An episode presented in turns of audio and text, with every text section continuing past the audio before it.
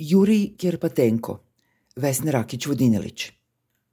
Vesti o ubistvu Jurija Kerpatenka oskudne su – Pre nekoliko dana saznalo se da su ruski vojnici ustrelili i ubili Jurija Kerpatenka, prvog dirigenta muzičkog i dramskog teatra Mikola Kuliš u Hersonu i dirigenta kamernog orkestra Hileja, pošto je prethodno odbio da diriguje orkestrom na svečanosti koja je trebalo da predstavi iluziju mirnog suživota u okupiranom Hersonu povodom 1. oktobra, Svetskog dana muzike. Kerpatenko nije hteo da napusti Herson, a od okupacije u martu do kraja maja objavljivao je svoje jasne i kratke stavove protiv rata i agresije na Ukrajinu. Prestao je da komunicira sa svojim prijateljima u septembru.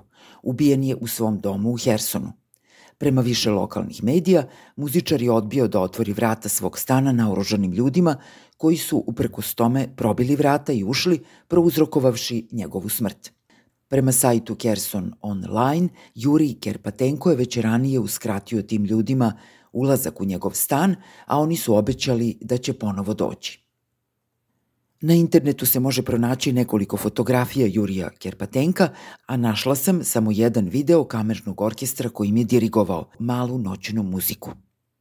Na izgled običan čovek, zbijen onizak veoma blagog osmeha, posvećen svom poslu, nimalo teatralan – Običan čovek koji je objavljivao kratke tvitove, nedvosmisleno osuđujući agresiju na svoju zemlju i okupaciju svog grada, bez analiza, bez viška reči.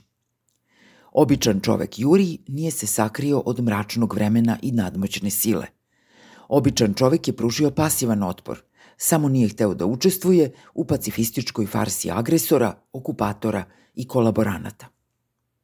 Učitavaju se u njegov akt otpora, a i tekće, patriotizam, nacionalizam, odbrana otačbine, odlučno odbijanje kolaboracije.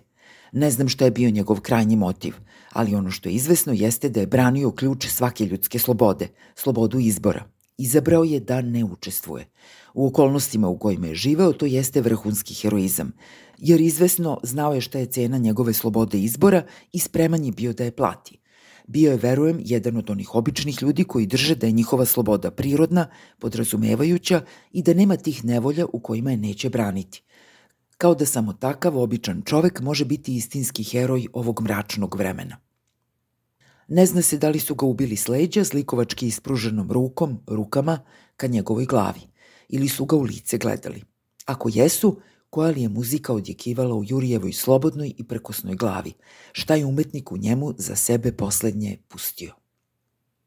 Ima li ovde kod nas tako običnih ljudi ili smo gotovo svi postali neobični po ugledu na našu kalkulantsku i kukavnu političku elitu?